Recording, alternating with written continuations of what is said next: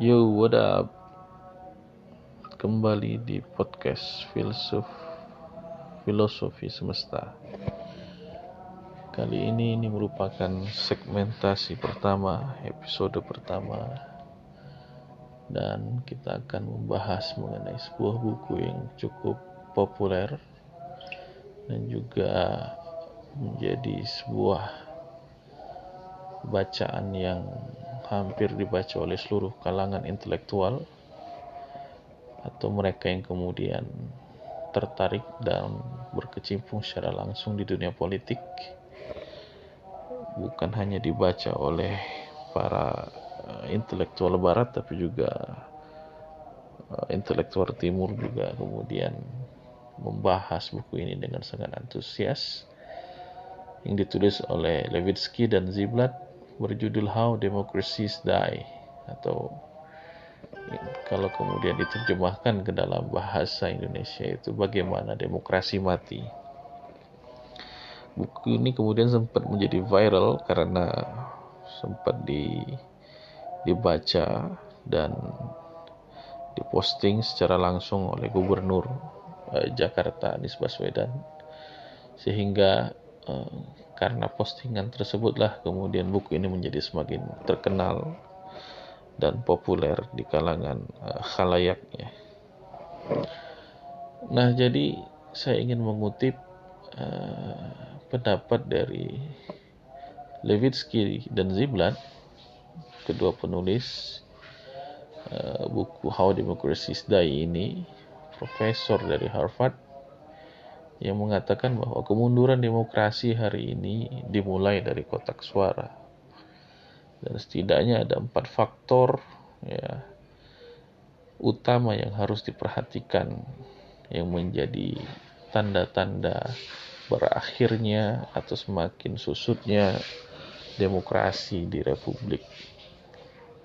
Pertama, penolakan atau komitmen yang lemah terhadap aturan main yang demokratis. Kedua, penolakan legitimasi lawan politik. Ketiga, toleransi atau dorongan kekerasan. Dan keempat, kesiapan untuk membatasi kebebasan sipil lawan, termasuk media. Jadi memang kalau kita berbicara mengenai demokrasi tentu kita berbicara mengenai suatu sistem yang dianggap uh, kesepakatan yang sangat Eh, dikenal luas di seluruh dunia. Hampir seluruh dunia ini uh, mayoritasnya itu menggunakan demokrasi sebagai sistem pemerintahannya. Di samping karena sistem ini menghendaki adanya penjaminan terhadap kebebasan individu, sistem ini juga kemudian uh, didesain dalam rangka untuk mengedepankan kedaulatan rakyat di atas segala-galanya. Sehingga tendensi tirani kemudian diktatorisme yang selama ini menjadi permasalahan peradaban dunia sepanjang uh, masa bisa direduksi bahkan kemudian uh, dalam tanda kutip dikelola dengan sangat signifikan melalui sistem demokrasi ini. Dan tentu Indonesia juga merupakan salah satu negara yang menjadi user dari sistem ini sepanjang sepanjang kemerdekaan kita selalu dan konsekuen terhadap sistem demokrasi ini mulai dari sistem demokrasi parlementer yang kita pakai di awal-awal kemerdekaan kemudian diganti di pertengahan jalan oleh Presiden Soekarno menjadi demokrasi terpimpin ya, yang dikritik oleh Bung Hatta melalui sebuah esai panjang yang berjudul Demokrasi Kita. Yang salah satu poin utamanya itu adalah hilanglah demokrasinya tinggallah terpimpinnya.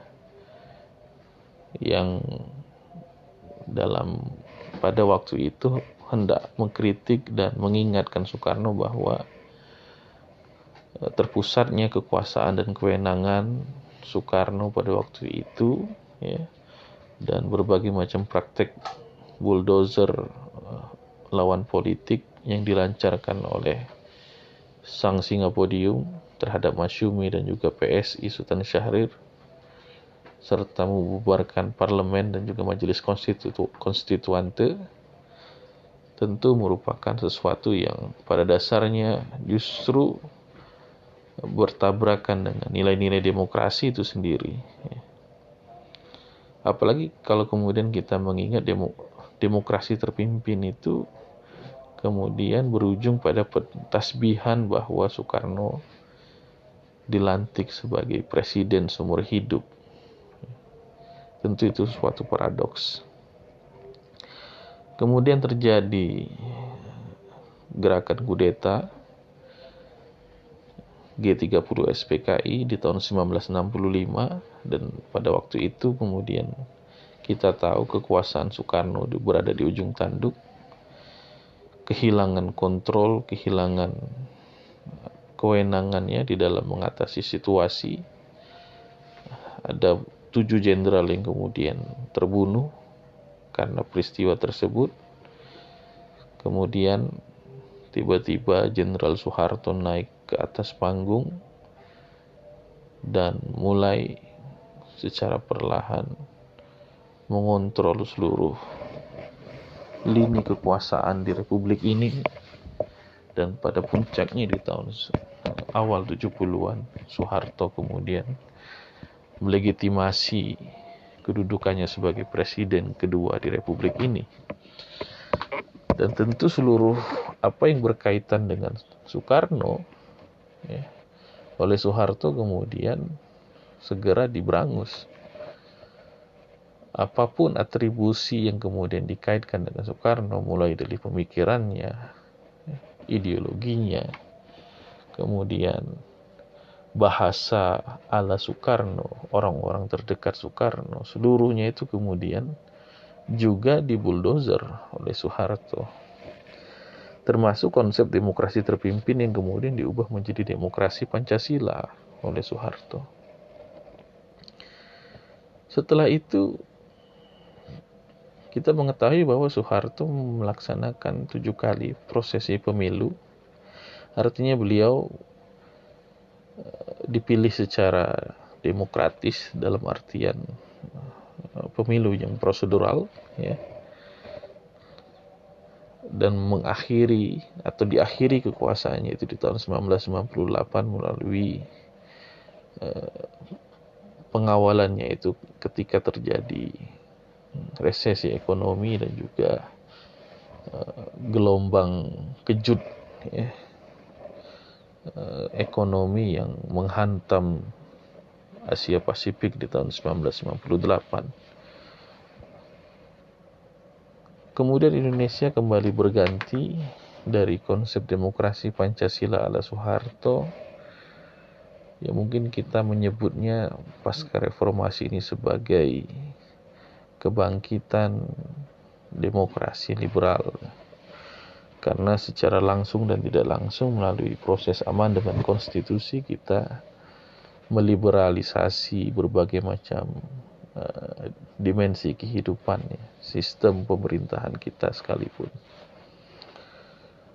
Dan tentu dalam perjalanannya Indonesia menjadi suatu laboratorium demokrasi yang sangat luar biasa untuk terus dikaji ya, dan juga uh, dinikmati setiap episode perjalanannya sebagai sebuah bangsa dan negara. Nah, kembali ke buku How Democracies Die itu, ya. Jadi pertama menurut uh, Levitsky dan Ziblatt bahwa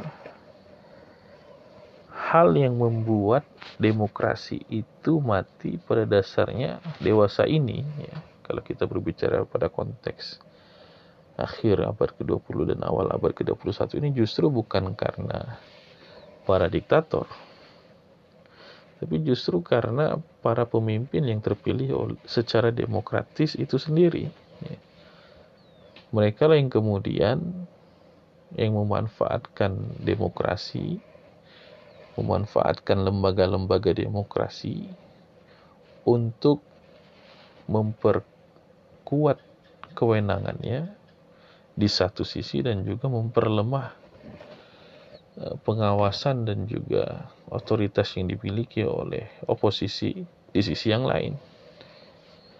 Kalau kemudian kita flashback mungkin sedikit mundur ke belakang, tentu kita bisa menyebut nama seperti Adolf Hitler ya, atau Benito Mussolini ya, sebagai pemimpin-pemimpin besar dunia yang justru terpilih karena melalui proses pemilihan yang sangat demokratis. Tapi kemudian justru mereka yang melencengkan tujuan awal dari uh, negara demokrasi itu sehingga kita mengetahui bahwa Jerman kemudian bertransformasi menjadi sebuah negara yang sangat fasis dan terlebih Italia di bawah pimpinan Benito Mussolini. Dan kedua orang ini yang kemudian menjadi uh, aktor di bal aktor utama yang melahirkan Perang Dunia Kedua. Nah, yang selanjutnya ya kalau kita merujuk pada poin pertama yang dikatakan oleh Lewitsky dan Ziblatt bahwa mengapa hal itu terjadi? Pertama karena para pemimpin yang terpilih secara demokratis itu tidak memiliki komitmen yang besar terhadap seluruh aturan-aturan main yang berlaku di negara tersebut yang pada dasarnya aturan tersebut merupakan aturan yang sangat demokratis. Jadi mereka dengan sangat mudahnya eh, melancarkan berbagai macam pelemahan terhadap aturan-aturan main yang demokratis itu entah melalui penafsiran ganda ya multitafsir entah melalui keberanian mereka di dalam menginisiasi uh, merubah aturan main agar lebih berpihak kepada mereka ya. melakukan amputasi beberapa pasal yang menurut mereka tidak sesuai dengan uh, kepentingan mereka atau justru kemudian memanfaatkan lembaga-lembaga tertentu yang seharusnya digunakan dalam rangka untuk semakin memperkuat demokrasi, tapi justru kemudian lembaga tersebut digunakan untuk mengebiri berbagai macam uh, musuh-musuh atau lawan-lawan politik sang penguasa tersebut. Dalam konteks Indonesia mungkin kita bisa menyebut beberapa lembaga yang kemudian sering dimanfaatkan untuk mengebiri lawan politik. Pertama mungkin KPK, kedua mungkin kepolisian, ketiga kita bisa menunjuk kejaksaan, keempat institusi kehakiman, dan terakhir mungkin kita sering melihat uh, ada tendensi yang terjadi juga pada Kementerian Hukum dan HAM ya kalau kita kaitkan dengan beberapa konflik internal yang melanda partai politik yang pada awalnya mengambil uh, garis oposisi terhadap pemerintah. Nah, itu yang pertama. Yang kedua, kalau kita berbicara mengenai poin-poin selanjutnya yang kemudian ditulis oleh Levitsky dan Ziblatt ini adalah menolak untuk mengakui legitimasi lawan politik. Jadi menurut para pemimpin ini ya, sebisa mungkin mereka berpikir untuk memperbesar kekuasaan mereka with all cost. Sehingga pandangan mereka mengenai negara demokratis yang menghendaki adanya fungsi check and balances ya, yang mengapresiasi eh, konsep-konsep hukum equality before the law supremasi hukum, ya, hukum sebagai panglima, itu semua kemudian dikangkangi dengan sangat sengaja dan begitu saja oleh para penguasa ini.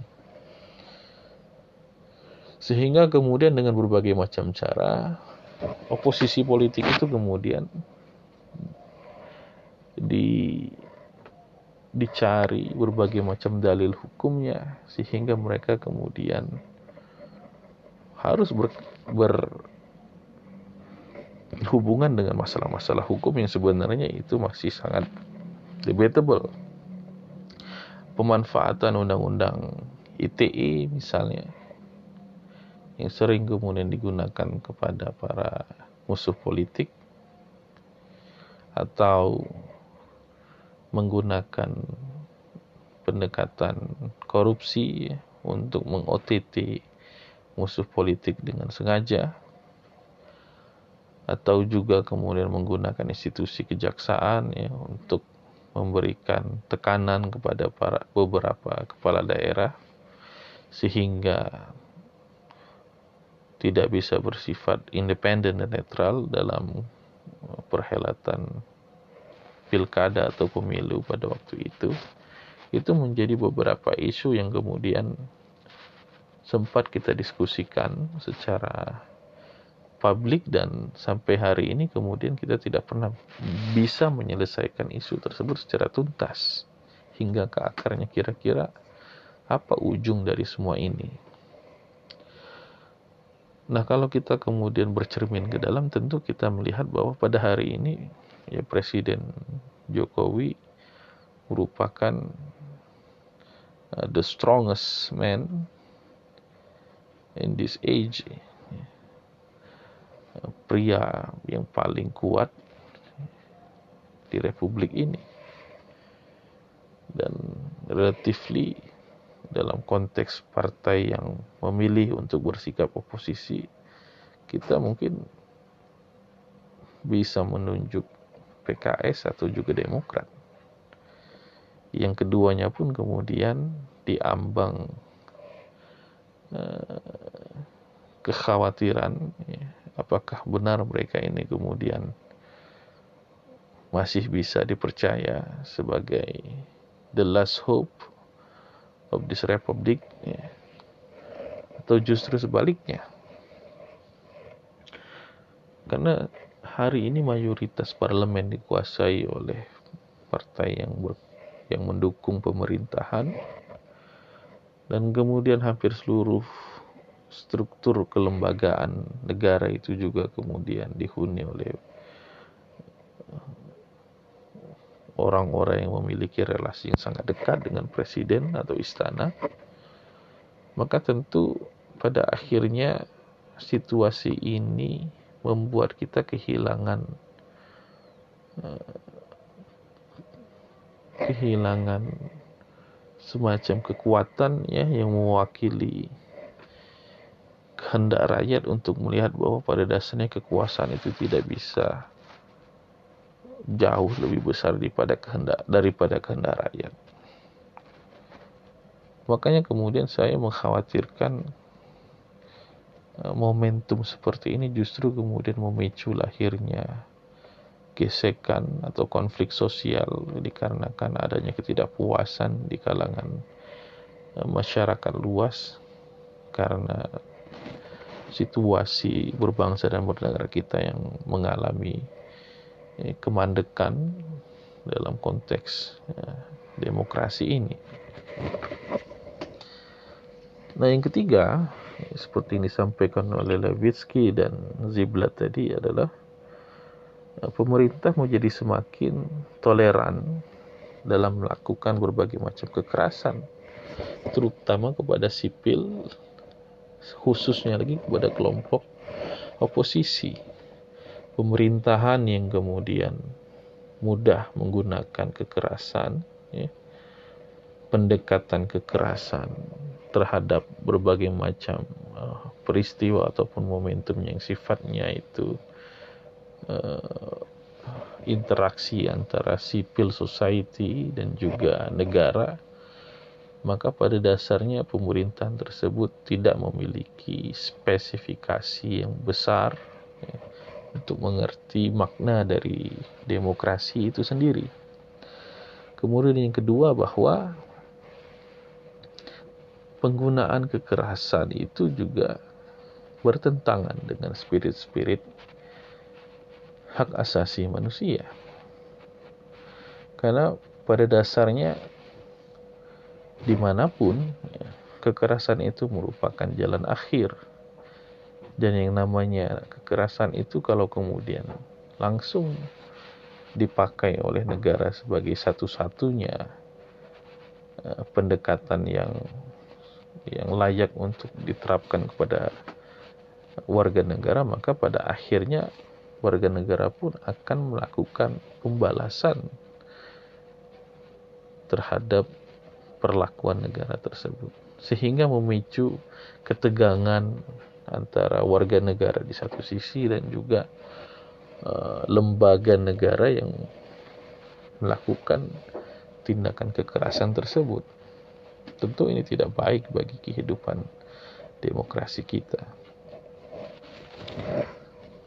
Nah selanjutnya ya, kita juga mengat bisa mengatakan bahwa pemerintahan yang berkuasa itu juga memiliki orientasi untuk melemahkan kebebasan sipil ya dan juga membungkam media.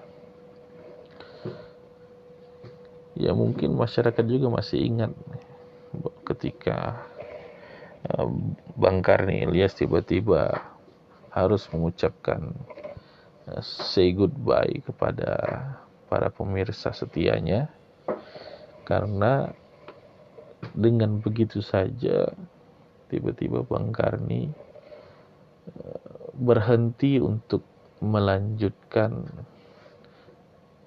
agenda ILC-nya itu. Ya tentu ini menjadi sebuah hal yang perlu kita pertanyakan dan juga harus kita sesali. Ya mungkin juga kita tangisi. Ada apa ini dengan ini semua?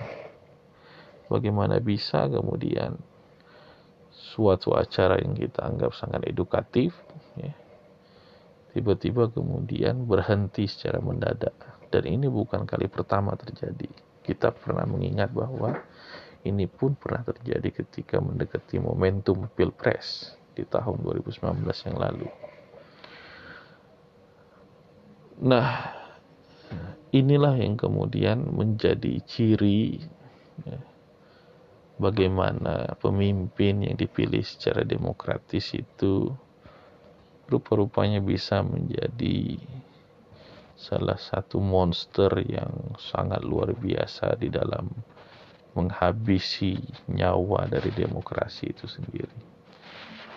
Padahal kita tahu bahwa demokrasi itu merupakan bentuk ikhtiar kolektif umat manusia untuk menghargai esensi dari kedaulatan rakyat. Pengalaman panjang umat manusia ditindas oleh berbagai macam pemimpin yang zolim, pemimpin yang represif, menghasilkan pemikiran mengenai demokrasi ini maka seharusnya jangan sampai kemudian kita membiarkan ini terjadi. Tentu kalau kemudian kita kembali kepada pendekatan sistem yang pertama harus kita perbaiki adalah literasi kita mengenai demokrasi. Jangan sampai kemudian kita tidak memiliki pemahaman yang mendalam mengenai makna dan esensi dari demokrasi itu sendiri. Bahwa pada dasarnya demokrasi itu bukan sekedar pemilihan langsung, bukan sekedar adanya uh, hukum, bukan sekedar adanya pemimpin yang berasal dari sipil ya tapi demokrasi itu adalah sesuatu yang lebih esensial dari hal-hal yang sifatnya formalitas tadi. Demokrasi yang dewasa adalah demokrasi yang ditunjang oleh kedewasaan dan kematangan berpikir para warga negaranya. Jadi kata kuncinya itu adalah pada warga negaranya. Semakin warga negara itu memiliki literasi yang baik tentang demokrasi, maka tentu kualitas demokrasi itu juga seiring sejalan akan berbanding lurus. Tapi semakin warga negara itu kemudian tidak mengerti apa itu esensi dari demokrasi, maka kita lihat apa yang terjadi pada hari ini ketika praktik politik uang kemudian empat gulipat yang dilakukan oleh elit partai politik di dalam mengeliminasi berbagai macam kandidat potensial dari dari masyarakat guna mengedepankan kandidat yang hanya berasal dari partai politik semata, maka tentu itu merupakan menjadi tragedi dalam kehidupan berdemokrasi kita. Semoga kita bisa semakin secara perlahan namun pasti menjadi bagian yang berkontribusi untuk menjadi solusi bagi negara ini. Dan saya akhiri Salam demokrasi.